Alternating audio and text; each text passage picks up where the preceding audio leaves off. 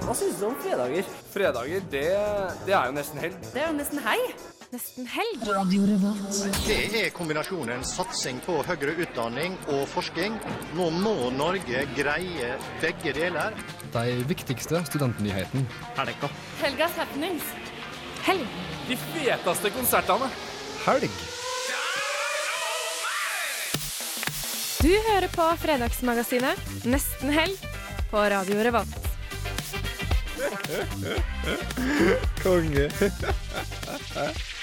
Radio Revolt. Ja, hei, hei. Du hører på Fredagsmagasinet Nesten helg på Radio Revolt.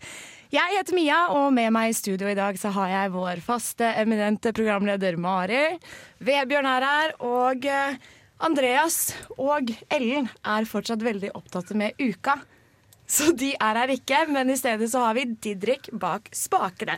Og vi skal lose dere gjennom en kjempestappfull sending med masse gøy. Vi har intervjuet Harald Eia, vi har intervjuet Josef fra Svart humor, og Mari har vært edru på Oktoberfest og laget reportasje. Det blir rølp, det blir gøy. I tillegg så skal vi selvfølgelig ha våre faste spalter. Gjett hva jeg synger, ukas nostalgiske og Studentnytt! Studentnytt! I tillegg til det så får vi to veldig kule revyskuespillere i studio. Og i tillegg så skal vi også snakke med Tamba-teatret. Helgen er snart i gang. Før vi setter i gang, så skal vi høre Green Screen Holiday av Flake, som har spilt på klubben hele uka på Samfunnet. Ja, der hørte vi altså Green Screen Holiday av Flake. Og det er fredag, det er deilig, det er grått ute, men det er party her inne. Og vi er endelig tilbake i studio. Men hva er det egentlig som har skjedd siden sist? Folkens, Didrik, hva har du drevet med? Jeg har eh, gjort øvinger og hatt eh, prøve klokka åtte i dag tidlig. Prøve klokken åtte i dag tidlig. Ja, Hvordan gikk det? Nei, det gikk helvetes dårlig. Gjorde det det? Hvilket fag var det? Eh, Diskré matematikk, midtsemesterprøve, fikk seks av 20 riktig. Så heldigvis så er det frivillig å telle kun i positiv retning, eh, så jeg treffer meg med det. Ja, ja, men nå er du her, og nå driter vi. Liksom. Hva du sa? Diskré matematikk? Yes!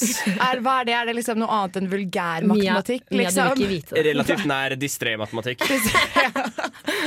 Litt mattehumor på en fredag, det må vi ha. Men hva med deg, Mari? Du har ikke hatt en uke full av skole. Nei, eh, jeg er glad du spør, fordi det er så mye jeg sitter på. Vi har jo gjort så sykt mye denne uken her. Det er kanskje den travleste uken jeg har hatt siden jeg kom til Trondheim. Du, Jeg er faktisk helt enig. Uka kom som et slag i trynet, og plutselig så skulle vi på ulike arrangementer og lage reportasjer.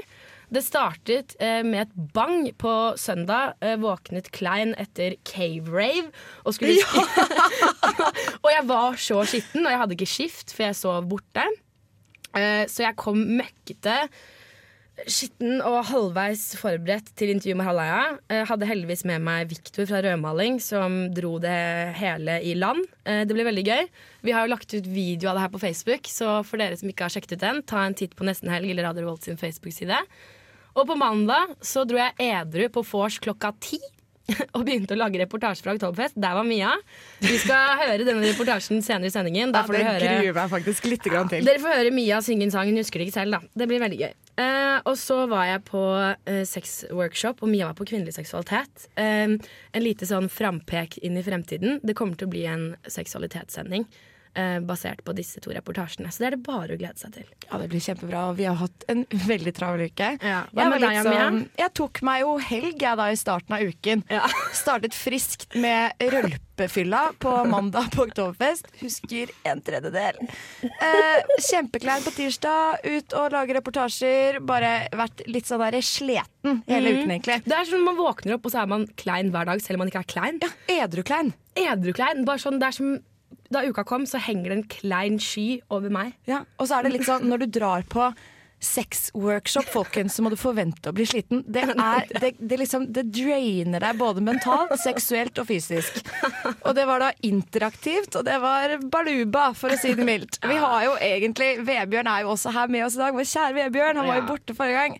Nå er han ute og henter våre utrolig interessante gjester, så vi får ikke hørt hva han har gjort denne uken.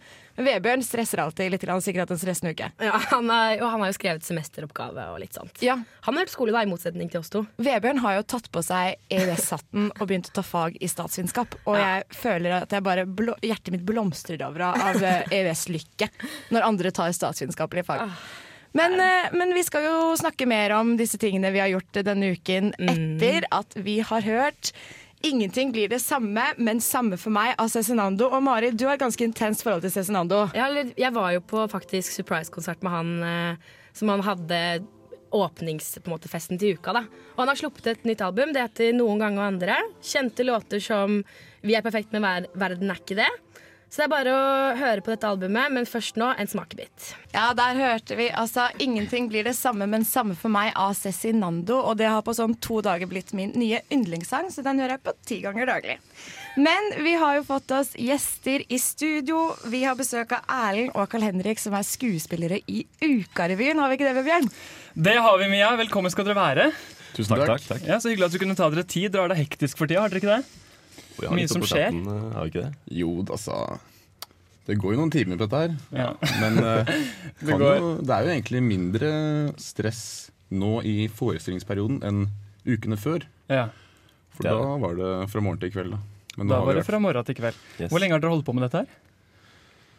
Vi ble tatt opp i mars, Ja. så helt siden mars, egentlig.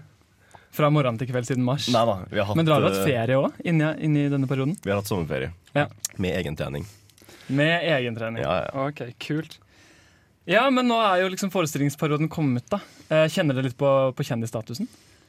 Hvis dere går rundt på hybelen eller på eh, Det er mange som har sett dere. Det er jo veldig stas å bli gjenkjent, da. Mm. Ja. Eh, det har skjedd meg én gang.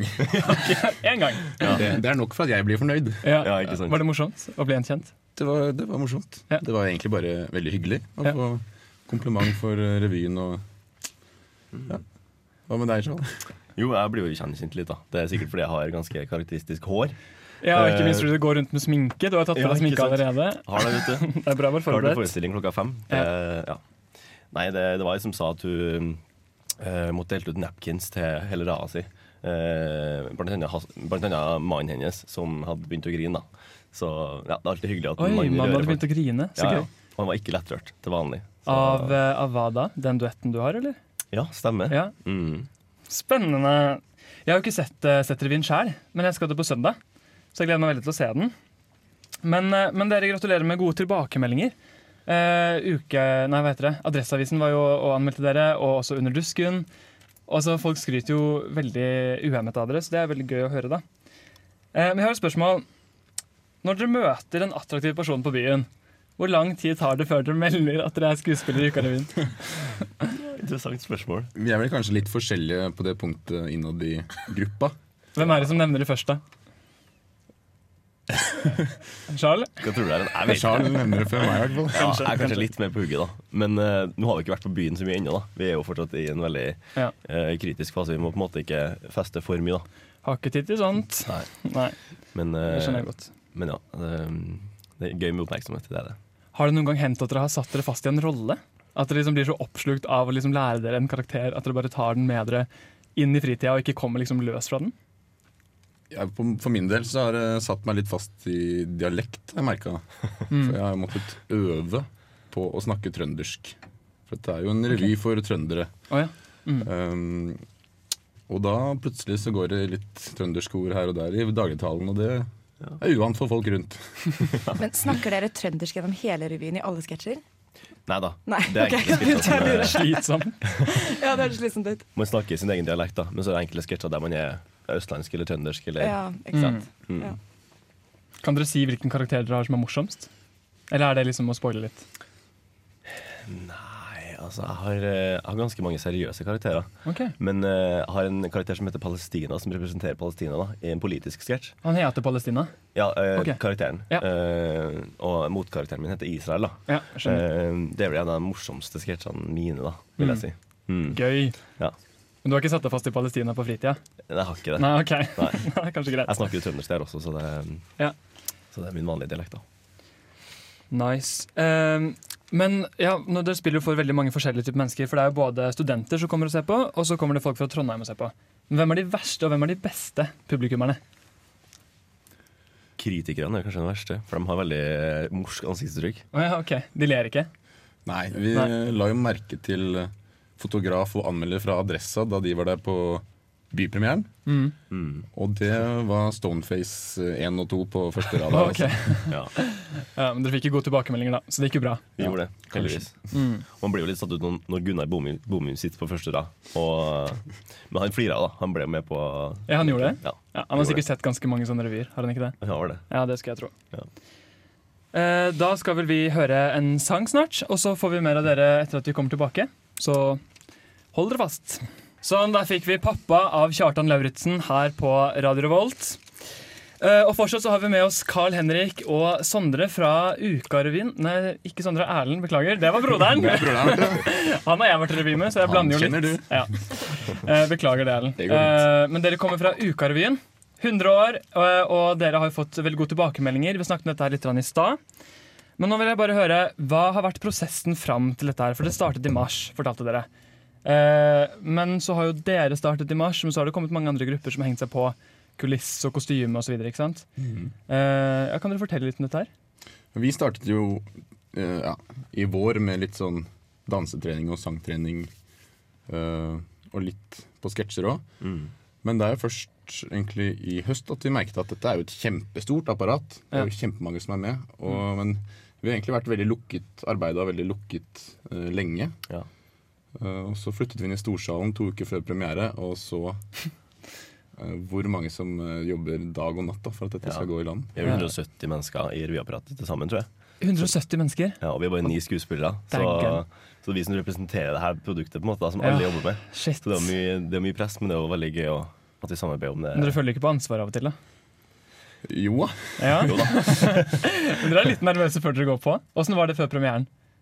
Det var, eh, da var jeg nervøs. Det Ja, kan, ja, det er fint å bare si det, egentlig. Ja. Vi hadde jo urpremierer for eh, ukefunkene dagen Ja. før. Mm. Så det Ja. Den meste største nervøsiteten gikk kanskje der. Ja. Man blir litt er nervøs uansett. De er jo supertakknemlige, da. Ja. Så det er jo uh, veldig hyggelig publikum. Men ja, fordi var det verste øyeblikket på revyen? Altså, hvilket nummer er det dere går ut og tenker bare sånn Herregud, bare det her blir overstått, så liksom går alt bra? Hvilket, hvilket nummer, eller hvilket uh, Ja. Det er kanskje litt individuelt, da. eh, Hvilket Ja. nummer man føler en selv er liksom Her får det briste eller bære. Hvis. um, Ja. På duetten min, da, eh, under Domen, som den heter, Ja. Trondheimsvisa, Mm. så er det jo litt fint at man på en måte ikke fucker opp. Så når jeg har gjort den, da tenker Ja. jeg at da er det greit. Ja. Da er første akt ferdig for min del. da Så når den sitter i sikringsboksa, da, da puster du letta ut? Ja. Ja. Hva med deg, Erlend? ja, jeg har jo et nummer hvor jeg løper veldig fort rundt. Og da er det jo en viss uh, sjanse for at man snubler eller dunker seg eller eh, det går ordentlig skeis. Mm. Og det har ikke gjort det enda, men jeg venter fortsatt på den forestillingen da, hvor jeg går rett i bakken. Og det blir morsomt for mange, tror jeg. Jeg tror det er mange som ler godt da. Ja. Jeg tror det. Men har det aldri skjedd noe feil så langt? Ikke merkbart, tror jeg. Nei, ikke noe store feil. Ikke med noen? Nei. Ingen som har trynt Jo, noe sted? altså, vi har jo hatt litt tekniske eh, utfordringer, kan man si. Det er Ja. Ja. Hvor HMS-en kanskje har Mm. vært litt så som så. Ja, men det er vel sånn det skal være, er ikke det? Hvor mange forestillinger har dere hatt nå? Begynner å nærme seg ti snart, kanskje? Med Er det helga. Dere har hatt Ja. ti forestillinger allerede, ja. Ja, rundt det. Vi har jo 30 til sammen, da. ja. Mm. Så nå er vi jo halvveis i oktober også, så jeg regner med at det er, Så har dere like mange igjen, kanskje? Litt flere? Litt flere, regner jeg med. Litt flere. Ja. Mm. Vi har jo ni forestillinger i uka, og seks forestillinger i helgen. da Mm. Så det er helga på en måte som er maratonet. Ja, Så nå starter det etterpå. Blir dere, blir dere lei forestillingen? Ikke ennå. Ikke? Vi skal, skal spille mange, så det kan Ja. jo hende at Ja. man blir litt lei på et punkt. Men uh, foreløpig så er det veldig morsomt. Mm. Det er en veldig likende gjeng òg, så vi backer opp hverandre og spiller hverandre gode og Mm. passer på at vi har det bra. Ja. Det, det hjelper på. Det høres ut som en god gjeng. Mm. Eh, hvem er det som har skrevet revyen? Først og fremst? Er det dere, eller har dere et eh, ved siden av? Det er uh, Forfatterkollegiet, Ja. Mm. og de startet med det lenge før vi ble tatt opp. Oh, ja, ok, Så det er de som har liksom starta tidligst? Mm. Ja. Så Det er de som har dratt i gang hele prosjektet Mm. og har skrevet uh, tekstene ja, det er vel, ja, Alle tekstene som er med nå, er vel skrevet av Forfatterkollegiet. Og Mm. har gjort en Kjempejobb. Ja. Dere har ikke vært med og kommet med noen inputs her og der og tipsa litt og underveis? Vi får på en måte komme med personlige eh, ønsker også, da, og småjusteringer og sånt på tekstene. Ja, For for det er på en måte litt litt hvilke, dere, på en måte, hvilke karakterer Mm. dere kanskje evner å få ut på scenen nå, da. Ja. Som er litt viktig, kanskje. Vi kan tilpasse litt, da. Ja. Men det er jo, en, det er jo et samarbeid med forfatter, forfatterkollega og Mm. instruktør. da. Mm. Og oss. Og oss, ja. Så gjøres revideringer eh, ganske langt ut i prosessen. Fortløpende revideringer. Ja, men det høres bra ut.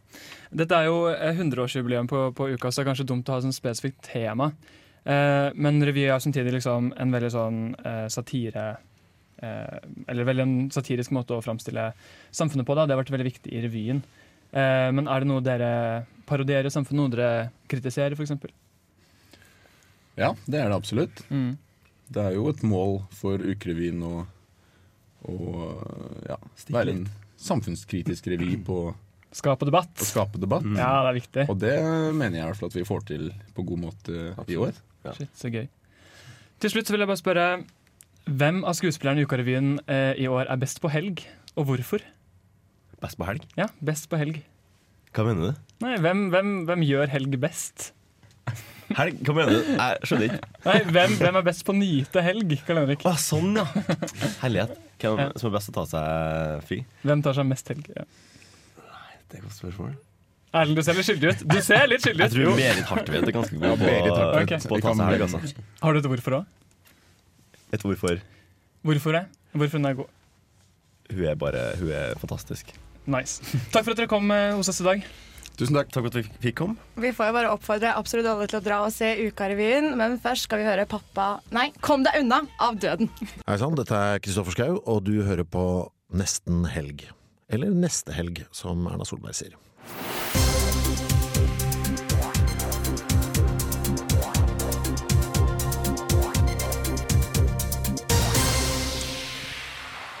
Ja, dere. Det var et veldig hyggelig intervju med de veldig flotte ukerevyskuespillerne. Eh, Men vi må videre i sending, og nå er det tid for Studentnytt. Og det er det jeg som har hatt ansvar for i dag. Og da tenkte jeg, folkens, at vi skulle snakke litt om at verdensdagen for psykisk helse nettopp var den var 10. oktober for tre dager siden. Oi, er det sant? Mm, det ja. gikk meg hus forbi. Det gjorde det, ja. Det gjorde det. Det er litt rart, egentlig, fordi den ble jo på en måte Den var ganske synlig på sosiale medier. Oi. Ja, Det var veldig mange som på en måte brukte den anledningen til å dele ting på Facebook og Instagram og Twitter om psykisk helse. Da, å være åpne, og det er jo nettopp det som er poenget med denne dagen. Så det var sånn dag hvor folk var sånn Hei, kjære venn på Facebook, jeg har slitt med dette, tenkte jeg skulle være åpen om det. Ja, Det var Ja, ja. veldig mye sånt, og det er jo veldig bra at man tør å være åpne om hvordan, altså hvis man sliter, da, tenker jeg. Ja, Og i år så var tema for den psykiske helsedagen eh, noe å glede seg over. Mm. Eh, så man på en måte skulle legge ut ting som man var glad for, da, og som kunne gjøre liksom, din psykiske helse bedre. Eh, og da jeg liksom gikk inn på psykisk helse, altså den der verdensdagens nettside, og skulle, liksom, for å se hva de drev med, så sa de at et, et, en veldig viktig ting å prate om er at når mennesker flytter på seg og øh, begynner å liksom bo andre steder og drar nye steder og sånne ting, så er det ofte veldig vanskelig å tilpasse seg. Og Mm. det kan være en veldig vanskelig tid. Og da tenkte jeg det er jo spesielt øh, gjeldende for studenter. Fordi vi flytter jo på oss veldig mye. Vi drar på utveksling, vi begynner i studier andre steder. Flytter på oss hele tida, vi. Ja, Ja, vi og, og det at liksom man plutselig skal rive opp alle røttene sine og flytte til en ny by og møte masse nye mennesker, det kan ikke alltid være like lett. Det er ikke greit bestandig. Oss- Nei, Nei. altså, Nei, det kan vi ikke stikke under en stol statistikken i Trondheim. Nei. For det er en ganske drøy statistikk på depresjon og ensomhet. Jeg tror det er sånn at eh, Enten var det én av fem eller én av ti Mm. som sliter med ensomhet i Trondheim. Mm. Eh, tross uh, at det er en by med kanskje det bredeste utvalget. Hallo, seriøst? Ja. Er det sant? Mm. Og, og jeg tror det var én av fem som slet med ensomhet, og én av ti som på måte sliter med en eller annen form for psykisk på en måte, Hva skal Didrik? I våres så sendte Trondheim kommune ut uh, selvmordsvarsel Oi. blant Ja. skoleelever. For det var Ja. så ekstremt høyt tall. Ja. Det leste jeg om. Var ikke det, Det- på grunn av den derre eh, 15 Reasons Why nei, 13 Reasons Why? Nei, jeg tror det var før det, faktisk. Ja. Jeg er litt usikker. Kan ha vært samtidig, men jeg tror det faktisk var før den. Litt tungt å melde, men mitt første semester i Trondheim så var det en på et gruppeprosjekt jeg hadde på skolen som plutselig ikke dukket opp en dag. Og så sendte jeg en SMS og sp- spør liksom hva skjer, lever du? Og så fem minutter senere gikk jeg inn i forelesning og fikk beskjed om at han hadde tatt Nei. livet sitt. da Er det Nei. sant? Så man Så kan spurte du, lever du? Det er derfor det er så viktig å prate om det her. Jeg tenkte liksom at siden liksom, studenter sliter en del. Og jeg har også lest at studenter sliter mer enn øvrig befolkning i vår aldersgruppe. altså de som ikke er studenter. Så gikk jeg inn på Sitt for å se hva slags tilbud man egentlig kan liksom, oppsøke da, hvis man sliter. Og Sitt har veldig mye bra. Så enten så kan du dra på, eh, til psykologen. Da må du ha innom en sånn time eh, hvor, de på en måte, hvor man liksom finner ut hva som skjer og hva du trenger. Og så kan du dra til psykologen eh, for liksom, sånne ting, depresjoner, ensomhet, Mm. alt mulig sånne ting. Og det er veldig lavterskel, og de har Det er kjempebillig. taushets- Ja, nei, ja, veldig billig. Det tror du koster sånn 100 og et eller annet timen, og så på et tidspunkt når du kommer over tak, så blir det gratis. Eh, hvis ikke du føler liksom at psykologen er helt din greie, så er det også viktig å liksom forebygge ensomhet og sånne type ting. Så Sitt tilbyr også mestringskurs Ja. for alt mulig. De er helt gratis, eh, og man må bare melde seg på. Det er 15 stykker på hvert kurs. Og da kan du ta kurs i f.eks. stressmestring, eller det å være sjenert, eller det å være ensom. Men for Jeg har også hørt at det finnes ganske bra tilbud på sitt, men så har jeg samtidig hørt at ventelistene er jævlig lange. Oi. Men er det sant? Det, hva skal jeg si um, Anonyme venner av meg på å si, har eh, tatt på en måte i bruk dette tilbudet, og jeg har hørt at de har fått hjelp raskt. Ok. Så kanskje det har litt med på en måte hvilken situasjon du er i, da. Hva det du si? Det er det den der veiledningstimen de har først, eh, Ja. handler om. Fordi er det krise, så får du time dagen etter omtrent. Eventuelt bli overført til eh, St. Olav. Ja. Okay. Er det eh, derimot bare altså, mindre saker, da, men som fortsatt må behandles, Mm. så settes du i en litt lavere prioritetsventeliste, som er veldig naturlig. Og man kan alltids bli overført til distriktspsykiater som tar akutt-timer. Ja, De sier at ventetiden hvis du skal ha sånn registreringssamtale, hvor man liksom skal finne ut av hvordan det går og hva som skjer, er to til tre uker. Oh, ja. Ja. Og hvis du, hvis du, så anbefaler de på en måte at hvis du har slitt lenger, eller hvis du på en måte er veld, føler deg veldig syk, så eh, bør du kontakte fastlegen din. Ja. Og eventuelt eh, komme deg til en sånn spesialpsykolog, for eksempel, da. Fordi psykologene eh, hos sitt, de hjelper deg med litt sånn mindre psykiske plager, da. Nei, kanskje over til et litt lystere tema, folkens. Yes. Dette ble litt sånn psykologhjørne i Men vi må helg bare oppfordre da alle til å passe på seg selv, passe Ja. på hverandre. Ja. Og hvis du sliter, oppsøk hjelp med en eneste gang. Prat med en venn, og det er masse tilbud du kan benytte deg av hvis du føler deg ensom eller har det kjipt. Yes. Ja. Um, noe mye mindre kjipt her. Uh, Mia og jeg har tatt turen på Oktoberfest denne uken. Har I litt forskjellig tilstand. Uh, Mia var der som deltaker og drakk så mye øl hun ville, mens jeg holdt meg til vannflaska og lagde reportasje om det her. Uh, så etter låt så skal dere få høre denne reportasjen.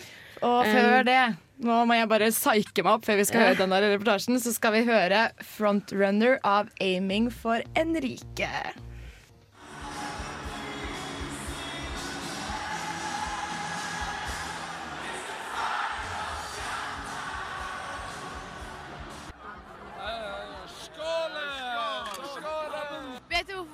Feirer oktoberfest? Nei, det vet jeg faktisk ikke. Det tror jeg ikke er den eneste. for å si det sånn. Om morgenen da vi våknet opp, rappdimom, jeg kjente pikens varme kropp. Rappdimom! hun lå og stirret opp mot meg. Rappdimom! i hennes hånd var min forglem meg, jeg. Rappdimom, dimom, dimom, rappdimom, dimom, dimom. Spennende valg av kostyme. Hvorfor har du valgt å ta på deg eh, jente-oktoberfestdrakt? Jo, altså, tusen takk. Eh, Jeg føler det er viktig å holde et litt sånn ironisk forhold til Oktoberfest. Oktoberfest, jeg liker deg aller best. Jeg liker deg så mest. Som om du er en fyr jeg ser på gaten, og så er du skikkelig digg, og så har jeg lyst til å ta av deg klærne. Oktoberfest. Øl. Dødens dal. Øl. Gutter i Leder Osen-kostyme. Digg. Damer i kostyme. Deilig. Ni måneder gikk og piggen kom. Rappdivom. Hun pekte på sin store vom. Rappdivom. Se her hva du har gjort med meg. Rappdivom. Med din forbannede forglem meg, jeg. Rappdivom, divom, divom, rappdivom, divom, divom. Oktoberfest er det beste jeg vet. For oktoberfest, da føler jeg meg så jævlig fet. Med kostyme som en tysker. Da har jeg faen meg en liten lymfe i min lysker. Jeg er den beste tokkeluringen. Fordi at da møter jeg en jente som får meg til å pule rundt.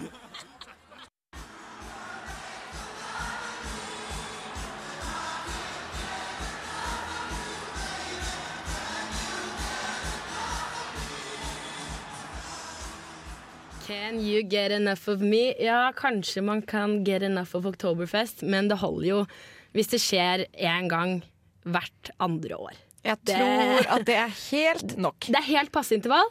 Eh, jeg, uh, Rappeti Bom, eh, tok meg tur til Oktoberfest på mandag, en del av uka sitt program. Jeg startet tidlig i titiden med å dra på frokostvors. Der ble jeg møtt med eggerøre og deilige rundstykker, som jeg vil si er en uh, ganske god behandling av en edru journalist. Uh, det var masse nasty tyske låter på uh, høyttaleren, og masse folk i nasty oktoberfestkostymer. Beklager at jeg sier nasty, altså. Det er bare at Fun fact. de kostymene ble faktisk uh, endra på da Hitler tok makten eh, under andre verdenskrig, så fikk han en dame til å redesigne disse tradisjonelle nasjonaldraktene for å gjøre de mer sexy. Han gjorde de kortere, Nei, du og, han, og han ga de mer utringning for å på en måte fronte den tyske kvinnen som på en måte et sånt sex-slash-skjønnhetsideal. Så det var en liten sånn anekdote på Oktoberfest-reportasjen. Og utover det Men Kan vi bare så- reagere på det? Det er det Ja, vi- sjukeste jeg har hørt. vi kommer tilbake til det. Og etter vors eh, så eh, tok vi turen til Dødens dal, eh, hvor det hele skjedde. Eh, der ble jeg møtt med gode allsanglåter, og folk skrek for full hals. Og det var så mye rølp. Jeg har aldri følt meg så alienated i hele mitt liv av å være edru et sted det er så mange fulle mennesker. Men eh, jeg vil si det var god kok. Jeg vil anbefale folk faktisk å ta turen hvis de er eh, komfortable med å gå i Hitlers redesignede tyske nasjonaldrakt. Vet du hva, Jeg har aldri hørt en verre på en måte bit med informasjon enn det du Ja. nettopp liksom la på meg og Didrik akkurat nå. For det orker jeg ikke å vite. Jeg løper jo rundt i den lille ekle drakten fra butikken på Gløshaugen. Det er og Hitlers hånd. Rølpa. I'm just saying that's Hitlers hand. Jeg vil også bare benytte anledningen til å beklage eh, Beklage for den sangen vi hørte. Jeg husker ikke at Ser en Mari digg fant mann på meg. gaten og er så digg, jeg vil ta meg klærne. Jeg husker ikke at Mari fant meg. Jeg var sånn Mia, lag en sang. Du er jo ganske jævlig. Vet du hvor mange øl du klarte å få i deg i løpet av oktoberfesten? Har du sjekka det i nettbanken eller eh, Cashless eller et eller annet? Jeg gjør et poeng ut av aldri sjekke nettbanken dagen etter men, men problemet var altså problemet Didrik, var at jeg kom dit og tenkte ja ja, jeg har drukket en vin, dette går fint.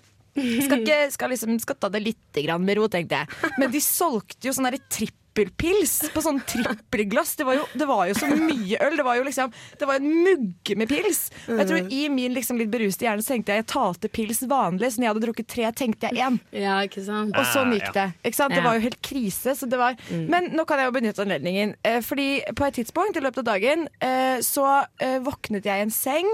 Klokken var ca. halv syv på ettermiddagen. Jeg skjønte ingenting. Visste ikke hvor jeg var. Visste ikke hvem han fyren som lå ved siden av meg var. Vi var fullt påkledd. Det var ikke noe, var ikke noe Det var ikke noe rapt i bom der og forglemme meg. Det var ikke noe rapt i bom, men det var highly confusing. Og jeg, vi var sånn, så våknet jeg, så var jeg sånn Hvem er du? Han bare Unnskyld meg, men hvem er du?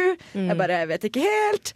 Og så det første han sier er OK, ja, fett, men skal vi ta en shot? Og jeg bare «Eh, Ja, det gjør vi. Så vi tok og shottet Bacardi. altså. Vi shottet, jeg sto opp, shottet Bacardi. Så ga han meg eh, Harvard-genseren sin, for han har tydeligvis vært på utveksling på Harvard.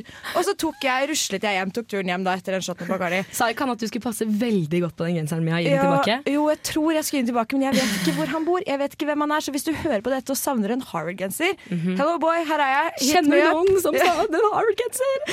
Hvis ikke, Kontakt oss på Insta, så er Twitter også. Og husk å like Nesten Helg på Facebook, da. hvis ikke, så bare beholder jeg den, for den er ganske smooth. Ja. Um, ja. Nei, eh, men sånn helhetlig så vil jeg si at eh, jeg kan anbefale Oktoberfest til de fleste. For det så ut som alle koste seg. Det så ut som at 50% hadde blackout. Så der kan du gå inn med, to, med god samvittighet for å ikke bli dømt. Hvor mange prosent ukomfortabel var du?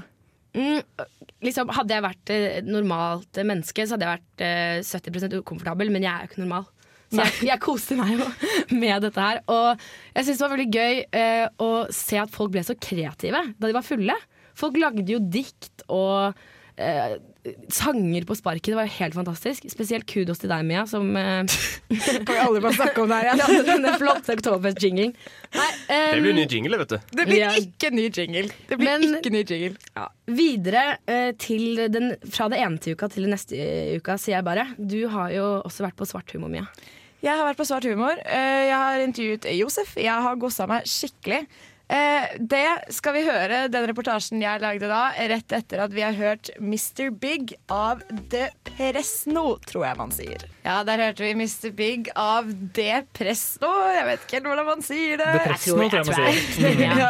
eh, I stedet for altså, Vi skal vente litt med Josef fra Svart humor, Fordi først har vi fått en veldig hyggelig gjest i studio, og det er Sara, som er produksjonsassistent i Tamba-teatret. Hallo! Hei, hei, Hei, hei. velkommen! Tusen, tusen takk. Så hyggelig at du har lyst til å komme, Sara. Det er jo bare hyggelig å komme hit og snakke med dere. Ja, Det setter vi pris på. Du, du er jo produksjonsassistent i Tamba-teatret. Mm. Og så kan vi kalle deg kanskje litt sånn nestleder? mm. Eller litt sånn et eller annet der omkring? Litt, Mm. uh, litt uh, den rollen. Men fordi Tamba-teatret, det er jo ikke gamle greia. Så da må jeg Helt bare nytt. spørre, ja, ikke sant? Så da må jeg spørre, hva er Tamba-teatret? Tamba-teatret det er en, en av intimproduksjonene under uka. Mm. Det er en eh, futuristisk eh, komediemusikal, vil jeg kategorisere det som. Ja, okay. Det er um, humor, det er musikalnumre, og det er også spilles ut 100 år frem i tid. Så vi har jo betatt tatt eh, den tolkninga at det skal være 100 år frem i tid, og mm lagd forhåpentligvis det som er en et morsomt teaterstykke ut av det. Ah, morsomt. Jeg gleder meg så mye til å se det. Men ja, fordi em, før har det vært noe som heter Barneteatret. Mm. Og så i år, for det er 40 år siden det startet nå, med Barneteatret, så har det blitt Tamba-teatret. Ja. Um, og det kommer til å fortsette, ikke sant? Framover. Det vet jeg ikke helt. Nei, kanskje det bare er nå. Ja. Det, ja, jeg vet ikke helt. Det er i hvert fall helt nytt eh, for i år. En liten Ja. sånn jubileumsforestilling. Så litt av twist på det. En liten twist. Ja. Så om det blir eh, permanent eller ikke, det, det, Det er ikke på. min eh, beslutning. Men Nei. jeg håper jo det. Jeg er veldig fornøyd med resultatet. Du var ikke med i fjor? Nei. Nei, Okay. Jeg er altså helt ny. Gøy. Alle er helt nye! det er derfor vi er studenter, folkens. Ikke sant? Men, okay, men fordi det handler om en fremtidsfamilie i eh, 2117, Mhm. altså 100 år fram i tid. Eh, er det, for når jeg leste den anmeldelsen, så tenkte jeg litt sånn Ok, kanskje det er på en måte en måte å skjule eh, en på en måte, typ kritikk av samfunnet nå, da? En sånn slags parodi eller et eller annet sånt? Er det det? Nei, eller det er jo på en måte noen ting som man ser for seg er forskjellig 100 år frem i tid. Ja. Men så er det også mange ting vi tenker ja, det er sikkert ganske likt. Vi tror nok at Ja. det kommer til å være familiedrama, kjærlighetsdrama. Eh, og det som også er mye av eh, plottet i handlingen med er jo arveoppgjør. Mm. Og det kommer det jo sikkert også til å være 100 år frem i tid. Så er det litt mer spørsmål hva er det man krangler om. Ja. Eh, er det de samme tingene, eller er det andre ting man krangler om? Mm. Eller eh, ja. Hvordan ser du for deg at eh, 2117 blir? Jeg tror kanskje at det kommer til å bli sånn skuffende Ja. lite forskjellig fra nå. Og det er litt sånn, Man tenker sånn at alle går rundt i robotkostyme, men det blir litt sånn For 100 år tilbake i tid så hadde de jo liksom på seg relativt like klær som vi har nå, på en måte. Ja, så det er jo Jeg vet ikke helt. Det er mye som kan skje da på 100 år. Jeg vet ikke, men altså, Mye kan jo skje. Tenk på samfunnet for 100 år siden. Nei, ok, det var kanskje det samme. jeg vet ikke. Ja. Nei, det, nei, det får vi bare vente og se. Leve ganske lenge, får vi se. Eh, dere spiller jo i Bodegaen. Det Ja. syns jeg er så spesielt og veldig kult, egentlig. Eh, men er det, For det er veldig svett å danse i Bodegaen. Det er veldig svett å danse i bodegaen. Jeg Ja. tror også skuespilleren syns det er ganske svett å spille i Ja, bodegaen. for det er det. Men Ja. fungerer det? Er scenen rundt, og så sitter man i midten? Eh, nei, litt omvendt. Ja. Så, Så du sitter, publikum sitter på en sånn halvmåne rundt, og så er scenen liksom i midten? Ja, altså, det, altså Handlingen er jo midt i stua til denne familien. Ja, Så man, eh, og det er jo en intim, eh, intimproduksjon. Mm. Så man sitter liksom veldig i dette familiedramaet som eh, utspiller seg. Mm. Så mm, man kommer liksom ikke unna om å bli dratt litt inn i det. Skjønner. Er det, for det, det, er en, det er ikke en revy, det er et teater. Ja. Ja, så det er ikke sketsjer, på en måte. Nei, det er, en, eh, det er en og en halv time med ett stykke. Men dere har musikal og sang og dans og liksom Ja, ja, show, på en det måte. Det er show. det er show, det blir Det er show, og du ler nok lite grann, så Ja, det, jeg gleder meg til å se det. Ja, det håper jeg virkelig. Har dere holdt på mye? Har det vært mye slit? Ja, det har vært ganske mye slit. Det, ja, det har vært eh, blod, svette, tårer. Ja, men det varte. Dere fikk jo glimrende tilbakemeldinger. Ja, ja, Både i, det var så hyggelig. Ja, både Under dusken og, og Adresseavisen, tror jeg. Ja, altså Det er jo kjempehyggelig når man har jobbet for noe så lenge. Og så I tillegg når man på en måte ikke har noen referansepunkter for uh, tidligere oppsetninger, så blir man jo Mm. veldig sånn wow, hvordan, hvordan tar folk imot det der? Ja. Men um, publikum har vært uh, supersnille. Nå er det snart helg. Hvordan tror du man har en bra helg i 2117? Da tror jeg man i hvert fall ikke krangler om eh, bitcoins. ok, for det er det det dreier seg om. Arveoppgjør. Muligens. Uh, Spennende. Du, jeg gleder meg masse til å se den. Tusen takk for at du kom, Sara. Bare hyggelig. Da skal vi etter hvert høre litt flere reportasjer fra uka, men først skal vi høre Kom med Way av Sudan Archives. I forbindelse med uka tok Josef Hadaoui turen til Samfunnet for å holde satireshowet Svart humor live.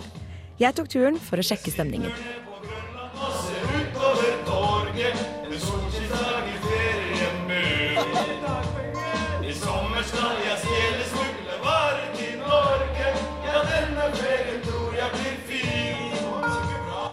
Mitt navn er Josef Adawi fra Svart humor.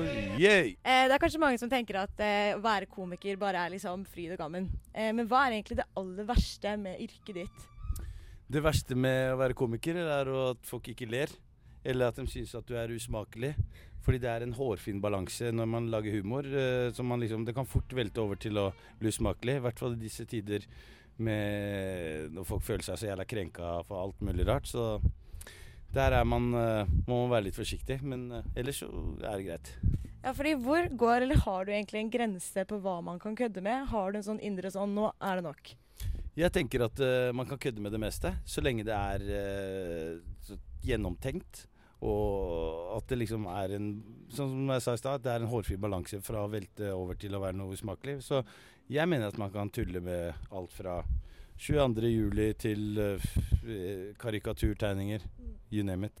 Um, hvor, nå er du her på uka og henger rundt med masse studenter, og i går var du på Oktoberfest. Um, hvordan var egentlig du som student?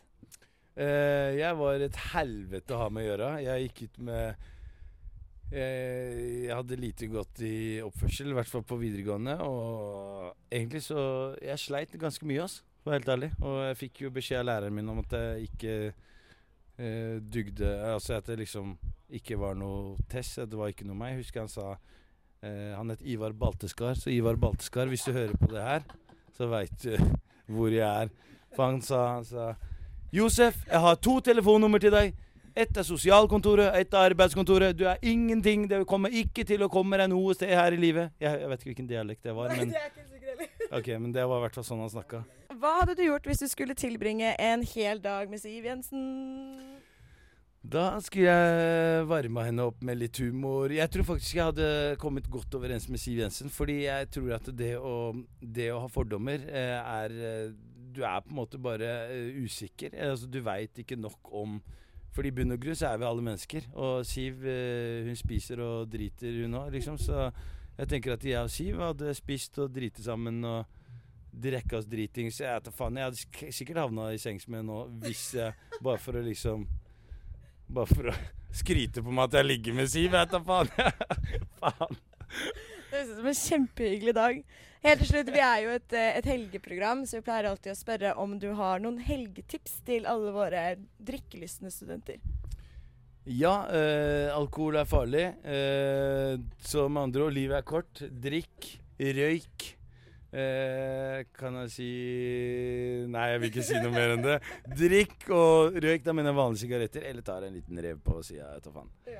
Vi legger den død der, tror jeg. Tusen Ja, nå takk. legger vi den død. Nei, Jeg tar tilbake det siste jeg sa.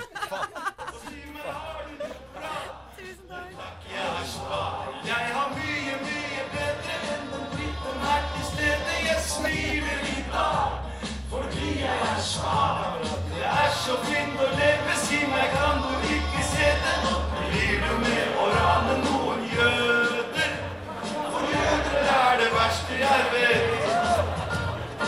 Hvor spa er du på en skala fra 1 til 10, Mia? I dag så er jeg en tolv på spa. Er så spa. For jeg er spa. ja. Nei, det var, eh, det var jo et veldig morsomt show. Det var jo Svart humor live. Det var i Mhm. Storsalen, og det var eh, Baluba. I eh, to timer, vil jeg si. Josef er jo ekstremt morsom, og han hadde også laget Da fikk jo jeg ekstrempackeren, for han hadde laget reportasje fra Oktoberfest.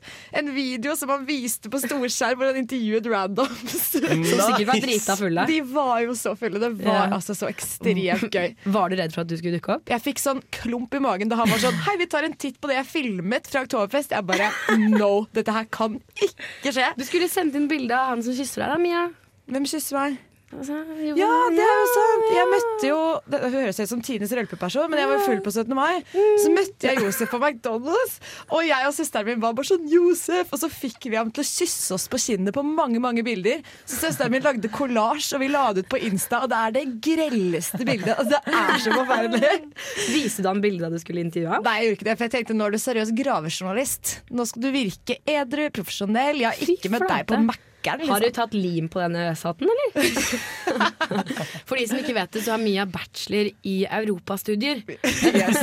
Og det er viktig for henne å opprettholde en viss integritet over arbeidet hun gjør. Altså, nå må det ikke komme over lufta et veldig godt inntrykk av at det er et veldig Ja. seriøst menneske. Så vi må skille business and pleasure uh, with Mia Langland Rørvik. Ja. Det er rølp, og så er det EØS. Jeg har faktisk To hørt at jeg har en veldig- sånn todelt personlighet. En edru og en full. Det er kjempe, kjempeille. Men nå skal vi ha det litt mer gøy, Fordi nå er det faktisk tide på tide med Gjett hva jeg synger!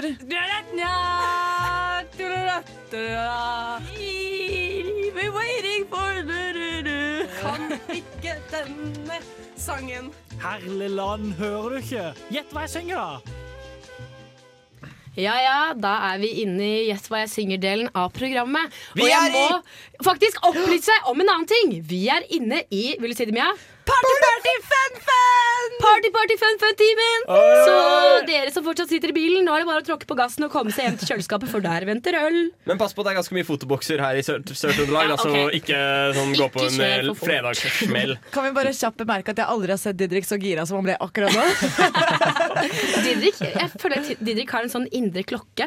Og den klokken er ikke sånn 'nå skal jeg sove, nå skal jeg legge meg, nå skal jeg stå opp'. Det er 'nå er det party, party, fun, fun-timen'. Ja, det er basically. Det er basically det. Eh, For de som ikke har eh, hørt denne delen av programmet før, gjett hva jeg synger, så er det en sangkonkurranse. I dag så er det Vebjørn og Mia som har laget Gjett hva jeg synger. Oh det går ut på at jeg og Didrik skal få låter på øret, og så skal vi gjengi låtene best mulig. Og når jeg synger, så er det Didrik som skal gjette, og motsatt. Vi, på, vi får ett poeng dersom vi klarer å gjette låt og artist. Yes. Hva tenker du, Mia? Nei, jeg tenker at vi bare setter i gang. Ja, er du klar, Mari? Mhm. Tre, to, én, kjør. Kan du ta litt høyere? Mm. Dit om gangen en fant en bit av gangen. Mm, mm, mm. Dit av gangen. Kan ikke gå galt når jeg har sa øy, øy. Når hennes beste menneskene Er du med, Didrik? Nei. Og det er langt å gå. Og når du kommer i mål Har du peiling, Didrik? Det er langt å gå. Ja. Så kom og gå sammen med meg. Hvem Har- laget den? Han sa langt å gå. Langt å gå, ja. Eh, Men halvt poeng, Didrik. Kom igjen. Jeg har en følelse av det er en fra Østlandet. Nei, Melodi Grand Prix. I don't know fucking ja, Det Ingen anelse. er klovner i kamp, min venn. Oh, ja. Nei. Ah, et halvt poeng til oss, da. Da hører vi låta. Aha. Ja, yeah. Den der. Der er å snakke Ja, jeg, bare, jeg setter alltid på denne på vors. Så Så nå er det party-party, folkens. Nå Ja, er det vors. party, party, fun. Det fikk jeg med meg på Oktoberfest-vorset, at uh, Mia ropte 'Sett på langt å gå'! det Sett på langt å gå! Det Det var ikke tysk nok. Vi droppet å ta med det. Ja. Ja. Er dere klare for neste, eller? Vi er klare. Nei. Yes. Da kjører vi i gang.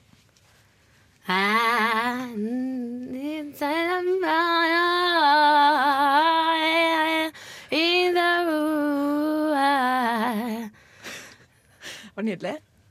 I said, oh, no, do, do, do.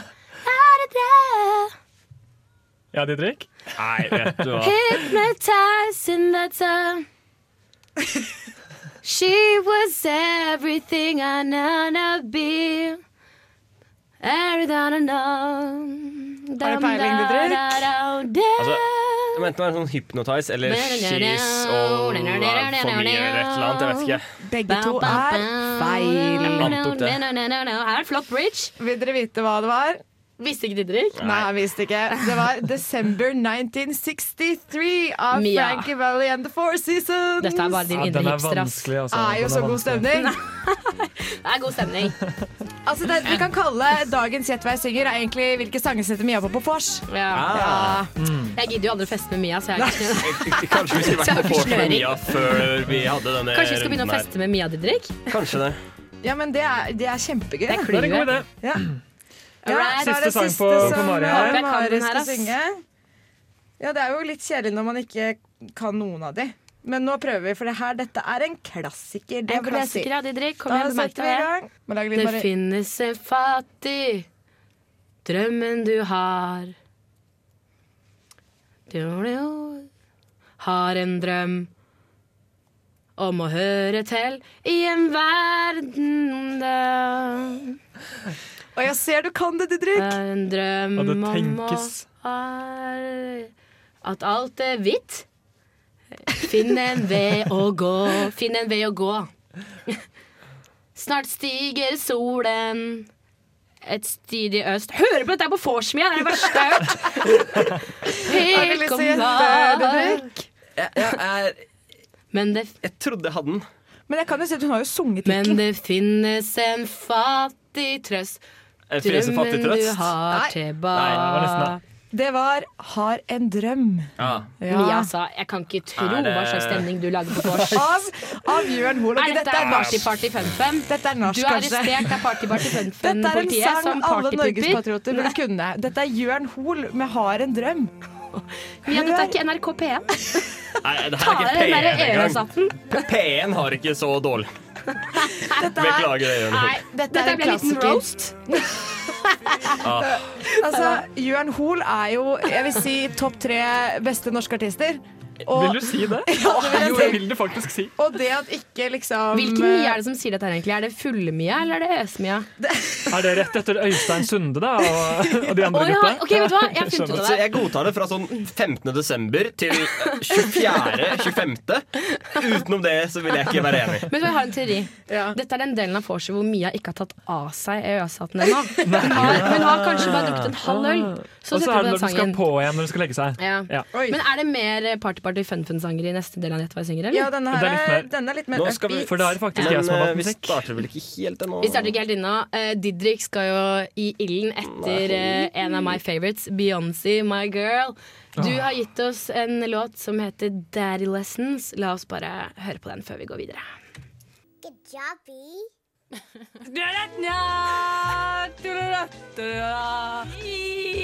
We're waiting for. Kan ikke denne sangen. Herlig land, hører du ikke? Gjett hva jeg synger, da! Hvis det er én ting jeg skal gjøre før jeg dør, så er det å dra på Beyoncé-konsert. Oh, word. Altså, word. Jeg, jeg sitter hjemme og trykker på refresh på den siden som heter When does Beyoncé come to Norway and play this concert? Er? Jeg sitter og trykker på refresh fem ganger daglig, minst. Og hun Ja. kommer jo faen meg aldri. Jeg tror hun driver og produserer barn og gjør så mye annet rart. Men Mari, 100 har, du, har du trykka der siden du ble 18 år? Har du trykka fem ganger daglig? Jeg har gjort det fem. Fem om dagen! Det er viktig, det. Nei, så vi hørte i hvert fall Beyoncé med låta 'Daddy Lessons'. Please come to Norway, girl, if you're hearing this. Hun sitter sikkert og hører på Radio Revolt akkurat nå. tror ikke det? Jeg. Det er i hvert fall my Christmas uh, wishlist for this year. Eh, vi er fortsatt inne i nest, Nei, ikke nesten. Uh, Gjett hva jeg synger-delen av eh, vår nesten helgsending. Det er vi, og det har gått sånn halvveis til nå. Ja, vi har funnet ut at Halvveis? Jeg vil eh, ikke påstå at det har gått halvveis. Jeg synes det har gått jæklig dårlig fra min side. i hvert fall. Eh, Så jeg tenker at det kan nesten ikke gå dårligere Nei, nå vi har jo faktisk bare ett Et poeng poeng. til sammen. Vi fikk et halvt poeng. Men det var to- tre, det var tre veldig vanskelige sanger. Ja, kanskje vi bare halvt poeng. Vi. Vi må ta oss opp eh, i hvert fall eh, denne runden her. Mm. Uh, og det en ting jeg må faktisk si, er at Mia, du må begynne å drikke fortere på vors. Nei. Det er det ingen som har lyst til. Ok da Eh, Jeg tror eh, vi kjører i gang. jeg. Det er Ja. Didrik som skal synge for de som ikke har fått med seg det. Didrik, er du klar? Ja. Yes, da kjører vi i gang. Jeg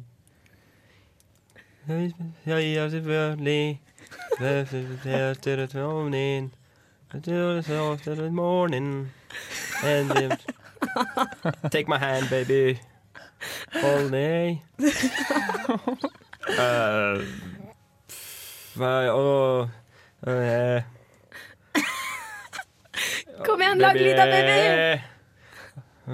Med- Dette er det mest åndssvake jeg har hørt. Den her er vanskelig. Altså. Babygirl, bla, bla, bla, bla, bla, bla, bla. Mari, du kan jo gjette.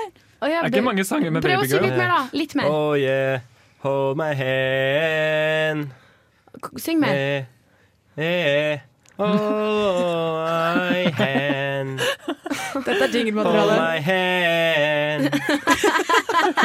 Oh yeah. Ok, Unnskyld, jeg bare Ok, Da er det kanskje på tide med gjettinga. Jeg Ja. bare syns du var, var så flott. Det var jo vakkert. Det var nydelig å høre på Didrik. Um, det jeg fikk ut av, var 'hold my hand'. Et eller annet sånt. Og der har du jo faktisk Der har du faktisk eh, Låten. Yes! Eh, et halvt poeng til til oss. Av Av Er det en syngedame? Nei. Nei, det er to syngemenn. To En syngemann og en rappemann.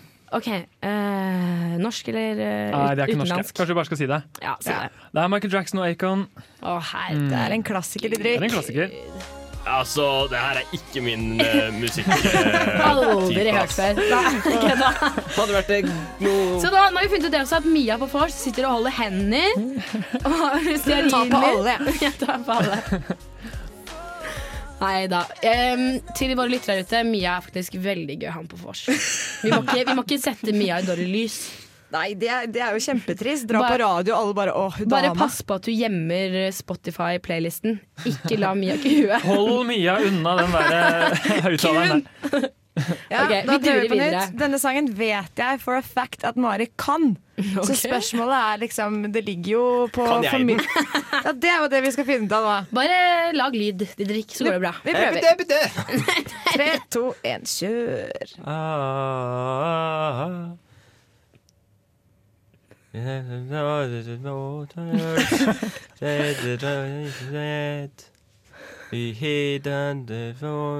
Altså, Didrik synger så søtt. Det er sånn sånn der uh, sektkor. Det er en sånn latinsk messesang. Er det jeg kan best. Nei, kom igjen, Didrik. Det er veldig bra. The dog days were over. The dog days were over. Yes! Dog days were over. In the season on. Just run to the fun. Vet du hva? En, eh, en silent applaus. Det var faktisk Ja, Det var skikkelig fint. Det var Ja, kjempebra. det var. Ja, jeg, jeg følte virkelig at jeg var inne i et kirkerom i eh, Frankrike. Jeg er blitt nykrista, jeg nå. Ja, dette eh, Oppå We- EØS-hatten finner vi litt av kristenhatt. Det er plass til flere. Nei, men dette er jo en av mine all time favorite uh, låter. Ja. Mm, hun er savna, ass. Florence Ja. and the Machine. Ja. Og hva heter den? Uh, den heter Dog Days Are Over. Det er helt korrekt. Ding, ding, La, ding. la oss høre den, da. Å ja, det er meg, det. Ja. Yes, I hit her like a bullet in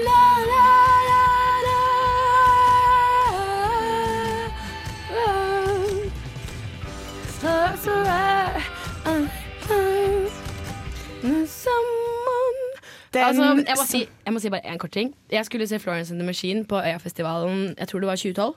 Og før den festivalen så fikk jeg nesten nervesambrudd, for jeg gledet meg så mye. Ja, men vet du hva, det var så flinke. akkurat det jeg skulle si også. Hun spilte jo på Roskilde da jeg var der for tre år siden. Oi. Og det er bare den beste konsertopplevelsen. Hun var i hundre. Hun løp rundt. eh, Det var sol, det var liksom pils, det var nydelig Å, vær. Og hun løp rundt i sånn nydelig antrekk, barbent, og hadde så mye energi Å, at jeg holdt på Jeg får frysninger av å tenke på det. fikk Mari. Finnes det en side som heter 'Når Florence and the Machine kommer til Norge', Ja. så kan man refreshe den fem Ja, ganger vet dagen også? Fordi det var akkurat det jeg kom til å tenke på nå. Sånn, um, hvis det er en artist jeg vil se igjen før jeg dør, så er det Florence and the Machine. Begynn å refreshe, folkens. Ja, begynn å refresh. Uh, jeg tenker vi går videre, selv om jeg uh, tenker mye på Florence and the Machine. nå, Så skal jeg prøve å fokusere. Ja, dette er siste sangen. Eh, Nå skal du få, få kjørt deg, Didrik. Oh, Vi, vi prøver. I've been drinking. det rykker i dansefoten her. I've been thinking. I love you. Na, na.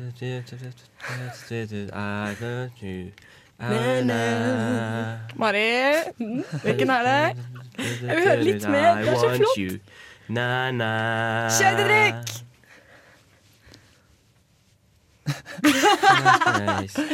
Kan du ikke spole litt framover i sangen, Mia? Nei, det blir vanskelig. Nice.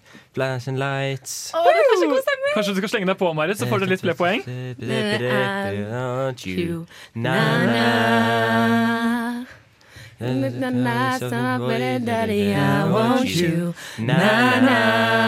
Drunk in love. Nydelig Ah, den er godkjent. Av hvem? Vi må jo få høre det Det er høyt. jo selvfølgelig Refresh number one! Beyoncé! Det er Be med Queen. eh, Drunk in Love. Let's hear it!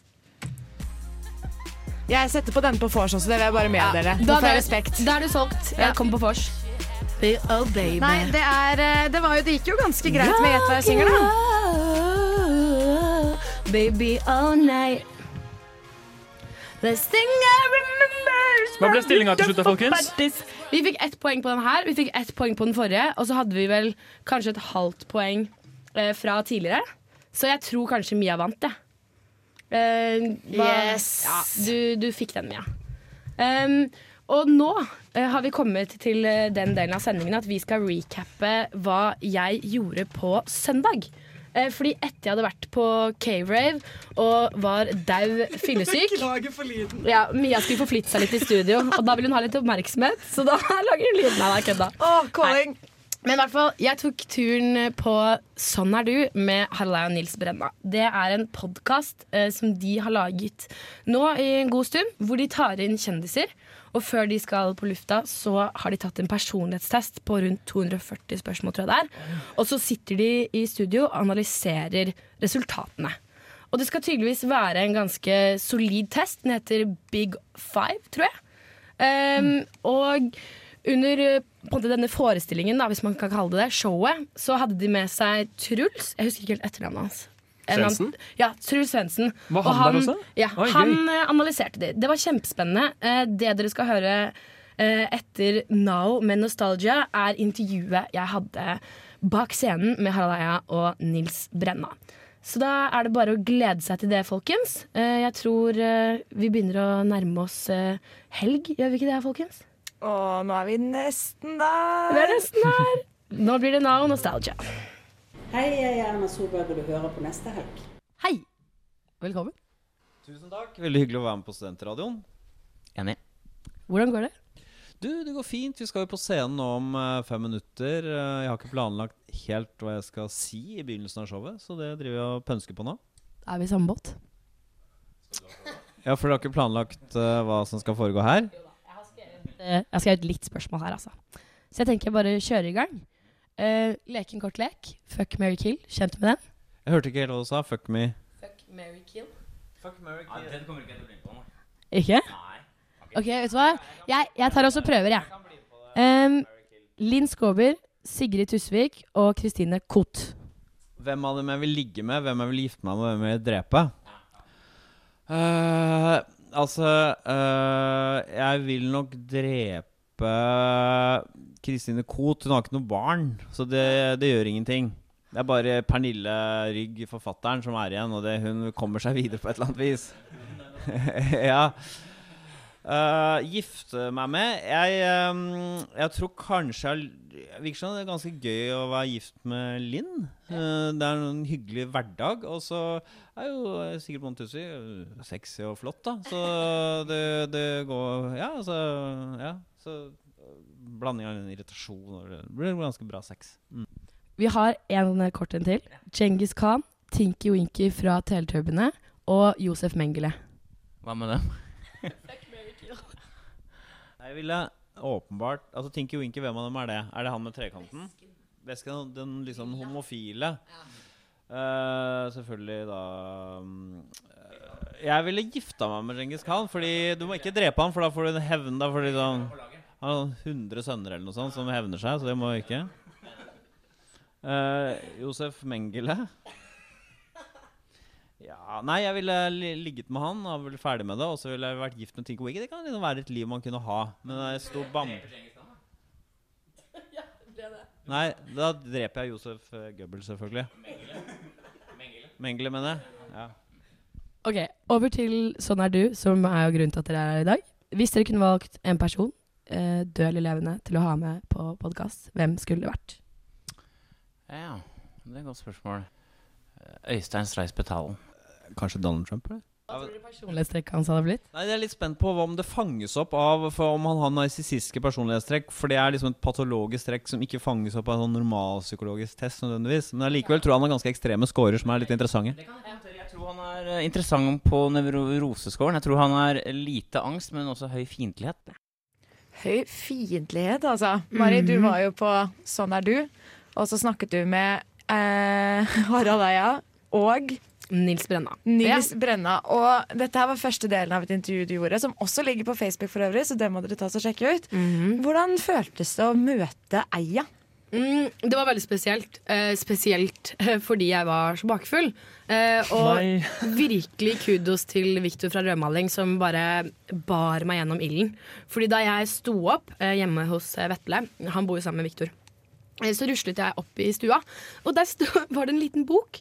Og den var åpnet, og så på den ene siden så sto det liksom i midten Harald Eia Nils Brenna, og så var det liksom fem bobler med spørsmål. Som hadde liksom bare lagt fram.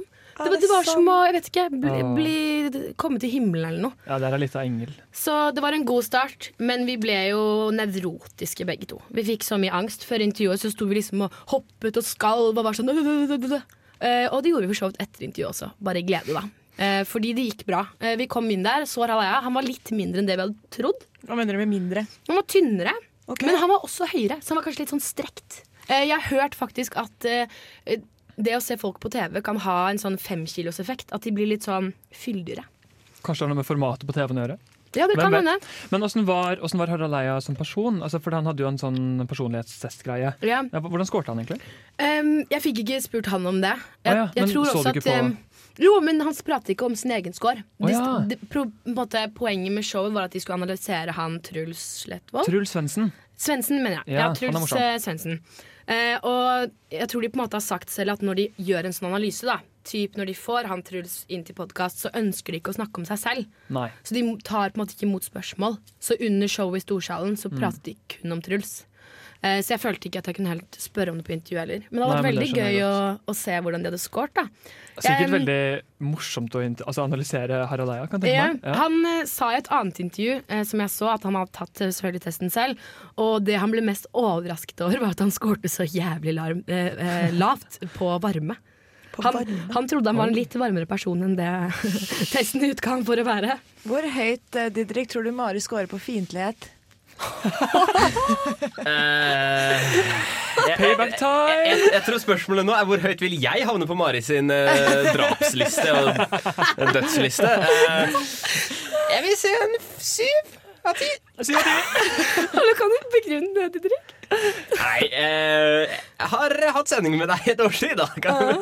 og det har vært eh, en del historier bak mikro, uten, uten mikrofonen på, som Oi! eh, jeg husker som eh, har vært eh, morsomme å få med seg, som eh, har gitt det inntrykket, da. Men, eh, Har du, har du, har du, har du meg, lyst da til å gi et eksempel? Uh, Jeg tror ikke jeg tør å gjøre det på stående fot, nei. Uh, men uh, Mer med Didriks analyse av Mari Svenkerud i senere sendinger. Ja, det, nå skal vi høre allerede med Lars Aular av Arif, og etter det så skal vi høre enda mer av dette intervjuet med Harald Eia og Nils Brenna. Dere intervjuer for det meste kjendiser. Vil dere si at det finnes et eh, felles kjendistrekk? Det, er faktisk, det har vi sjekka. Det er én ting som skiller kjente folk fra andre folk. Det er at de har litt lavere score på sosialitet, og det tror vi kanskje er en yrkesskade. Det betyr at hvis du er kjent, så blir du mye plaget på byen. Eh, og dermed er du mindre sosial enn du ellers ville vært. Spør Harald om det. Ja, det er nok riktig det. Jeg var nok ikke så sosial utgangspunkt, men Bård for eksempel, er blitt betraktelig mer eh, Litt mer sånn eh, holder seg mer for seg selv enn han naturlig ville gjort. Fordi alle møtene med mennesker eh, blir, litt, eh, blir litt like, og så kommer det ikke så mye ut av det, og så syns de det er veldig gøy, og så må man selv levere liksom når man er på jobb. Så da gjør det at da er løsningen å trekke seg litt tilbake. Så det er en del kjente folk som blir litt mer tilbaketrukne. Det er noen som ikke er det, og sånn Linn Skåber og sånn er ikke blitt noe skadet av det. Sosial kraft der at det, det stopper seg ikke. Else er litt samme, faktisk. Så rett og slett at liksom det sosiale blir litt ødelagt? Blir mer, mindre gledesfylt enn det det en, en gang var. Med fremmede mennesker, da, vel å merke. Man er jo like mye sammen med venner og sånt, da. Ja, men det er enda godt. Fordi jeg har hørt eh, gjennom eh, Jeg må holde mikrofonen. Eh, Jeg har hørt gjennom eh, alle podkastene, og det er én ting eh, som irriterer meg. Og det er at dere bare sorterer, eh, og ikke rangerer. Ja. Jeg hørte du sa han er et dårlig menneske, ropte du. Ja, dårlig! ja, nei, men det er, det er en fin kritikk, det som vi er Ja, ja. enig i, rett og slett. Ja, men, men jeg, jeg, jeg bare lurer på Hvis dere først liksom skulle rangere litt, har dere noen ting dere liksom liker å se? Noen sånne utslag som dere syns er morsomme? Ja. Ja. Vi liker uh, fiendtlighet. Ja, for det, det, da skjer det noe. Hvorfor det? Nei, fordi det er mye kok. Ja, altså Vi må skille mellom hva vi faglig liker, og hva vi hadde likt. Hva vi, liker, hva vi liker hos en venn eller kjæreste. Ja, det er jo ekstreme scorer er jo alltid bra, liksom. Eh, Så taggete profil eh, er jo gull verdt. Så, så det som vi personlig tenker er Å, det var kjedelig og dumt, det er 50. Score 50. 70 er gøy. Etter at dere har hatt det programmet her, føler dere at folk er likere eller mer forskjellige enn dere tenkte før?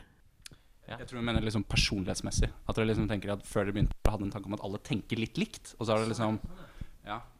Altså vi, vi, Harald og jeg har jo vært opptatt av det her siden 2004, så vi er egentlig ganske sånn tuna inn Hva tenker du, Harald? Vi er ganske vant til å tenke sånn etter hvert. Men kanskje før 2004 ville det vært sånn? Jeg vet ikke. Jeg, jeg, vi er vel overrasket over at det går an å være så forskjellig på så mange forskjellige måter. At eh, vi liksom hadde, før, før tenkte vi litt grovere. Eh, innadvendt, utadvendt, unevrotisk, nevrotisk. Men nå er det så mange flere underdimensjoner man kan score for ulikt på. Så det er litt sånn, litt sånn Det finnes nesten ingen like lenger.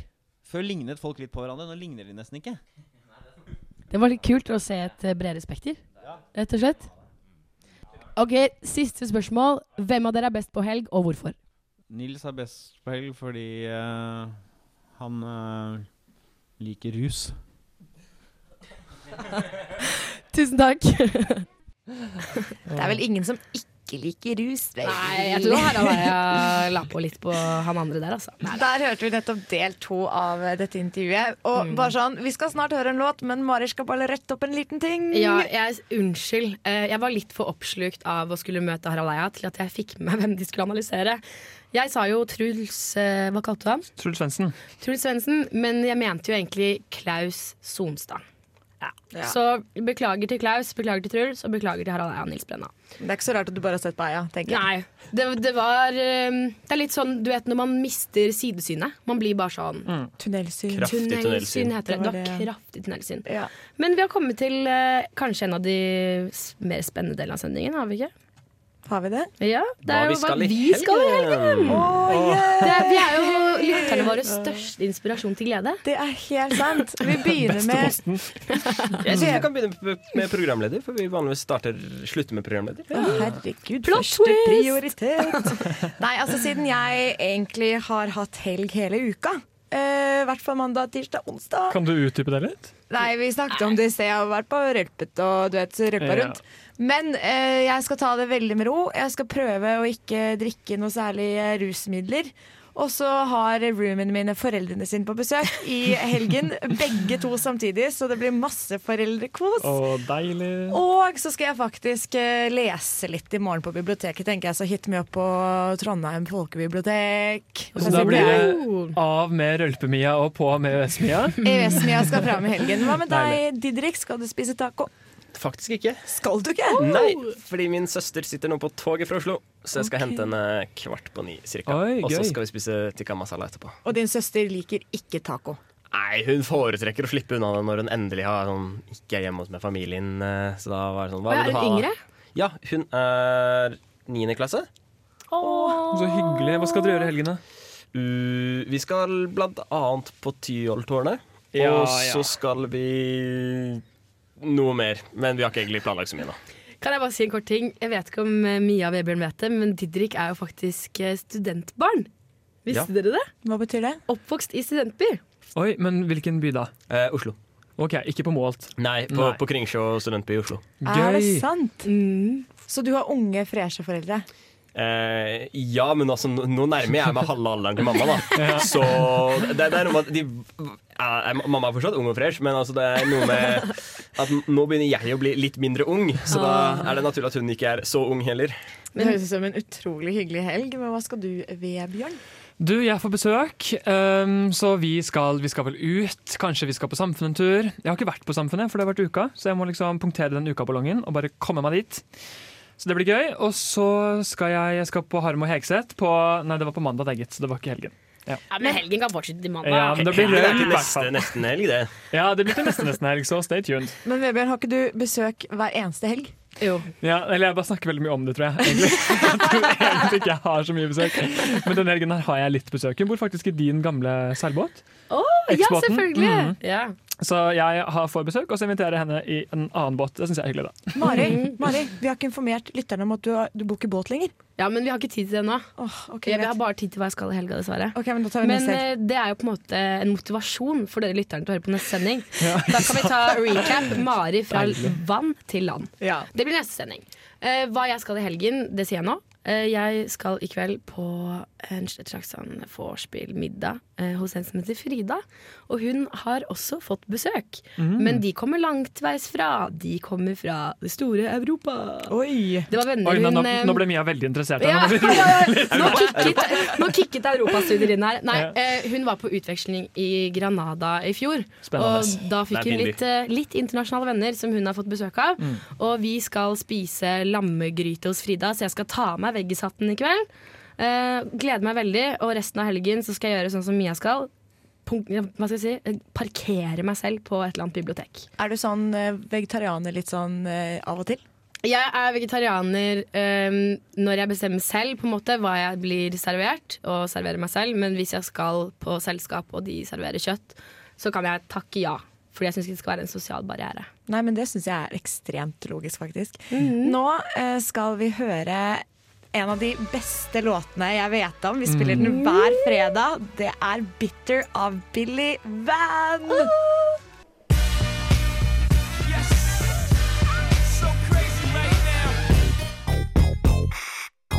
May I have your attention, please?